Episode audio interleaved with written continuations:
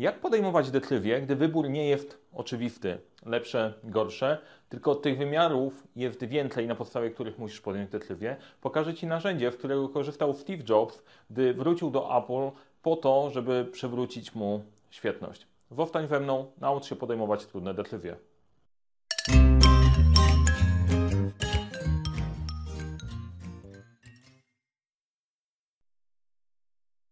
Cześć, nazywam się Mariusz Kapufta.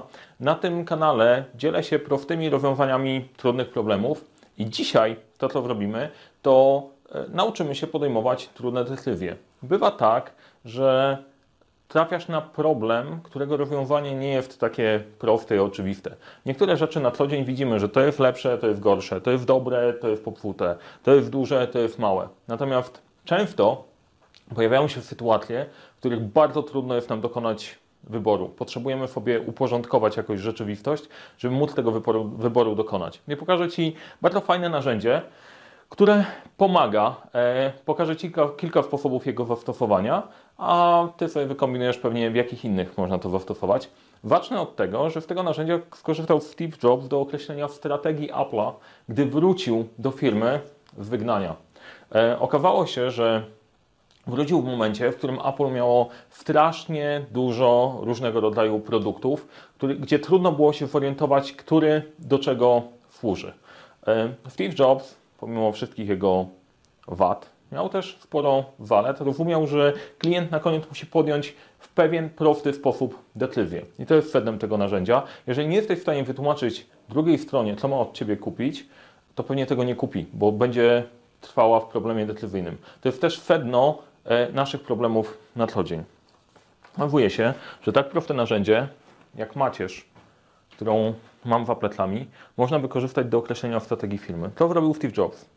Po pierwsze, na jednej osi znaczył, OK, nasi klienci, jakich mamy klientów? Biznesowych i indywidualnych.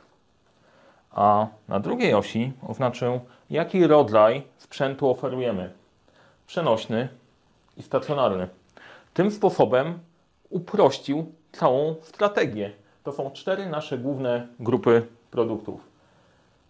Przenośne dla klientów biznesowych, przenośne dla klientów indywidualnych, stacjonarne dla klientów biznesowych, stacjonarne dla klientów indywidualnych. Koniec.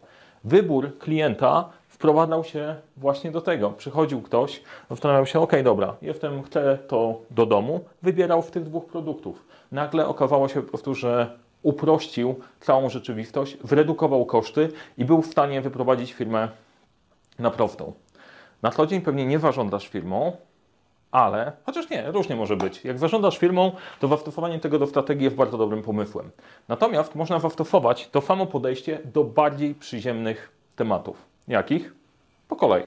Zarządzanie czasem. Jedna z najbardziej znanych macierzy to jest macierz ważne pilne. Jeżeli masz bardzo dużo rzeczy na Twojej liście do zrobienia, to warto się zastanowić, które w nich są pilne, które w nich są ważne.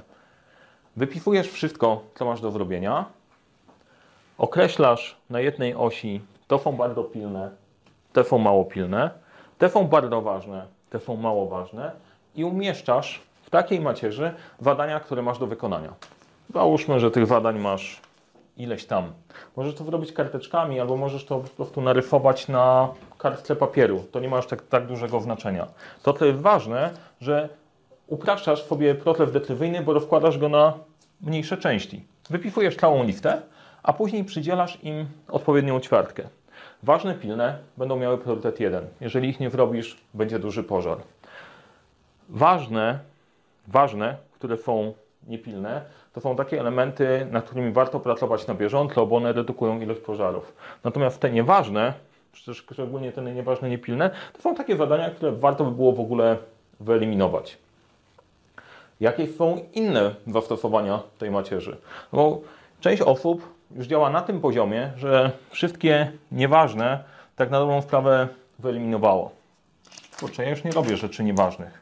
Ja mam tylko i wyłącznie rzeczy ważne. Jak mam zdecydować, która z tych rzeczy jest ważniejsza? Kolejne zastosowanie tej macierzy to określanie priorytetów.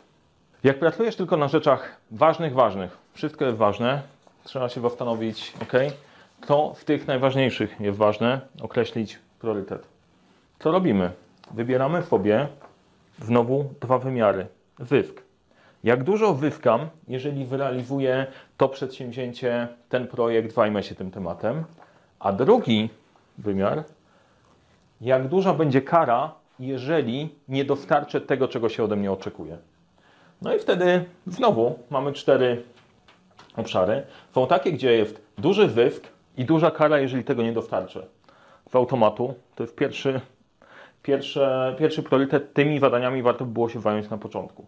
Druga opcja jest taka, to w zależności od tego, czy jesteś bardziej nastawiony na nagrodę, czy bardziej unikasz kar, decydujesz, czy najpierw zajmiemy się tymi elementami, które mało nam przynoszą zysku, ale kara może być duża. To jest dosyć rozsądne podejście, bo jeżeli na przykład e, masz jakieś formalności, które są do wykonania, zobowiązania prawne albo płacenie podatków, zysku dużego z tego nie ma, ale kara nie, za niezapłacenie jest duża, więc to powinno wylądować na Twojej liście priorytetów. Później możesz się zająć tymi, które generują duży zysk i małą karę, a te, które przynoszą mały zysk i mała kara za niewrobienie, to są elementy, które można faktycznie odstrzelić.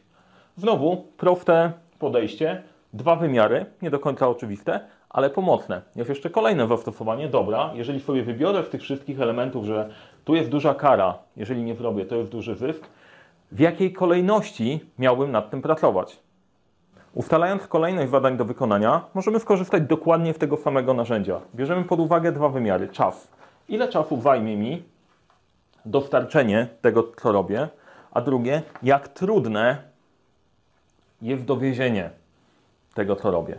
Pół żartem, pół serio, ale w pewien sposób z tego korzystamy. Można sobie posortować ludzi.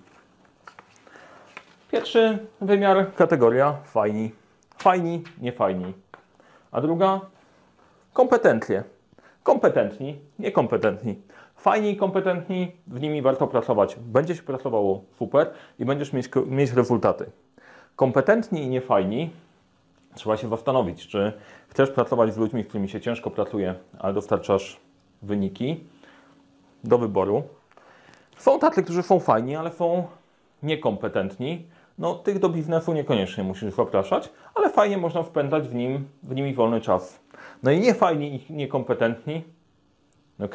Jeżeli masz skłonności masochistyczne, to spoko, to jest ćwiartka dla Ciebie. Od Ciebie zależy, gdzie wykorzystasz to narzędzie. Pokazałem Ci, e, jak można ułatwić sobie podejmowanie trudnej decyzji odnośnie strategii, czasu, ludzi, priorytetów, kolejności. Możesz samemu stworzyć takie narzędzie, które Ci potrzebne, e, które ułatwi Ci trochę rzeczywistość. Takie upraszczanie jest bardzo często stosowane przez ludzi, którzy potrzebują spojrzeć na skomplikowane problemy w miarę szybko i pokazać pewien kierunek, kierunek strategiczny. To działa, skoro Steve Jobs w niego korzystał, to Ty też możesz. Jeżeli podobał Ci się ten odcinek, chciałbyś więcej tego typu materiałów, zasubskrybuj kanał, żeby niczego nie przegapić, daj lajka do tego odcinka, e, a w komentarzach możesz wrzucić pomysły, jakie jeszcze macierze można stworzyć, które pomogłyby Ci na co dzień. Powodzenia w projektach, cokolwiek robisz, zawsze zacznij od 12 pytań.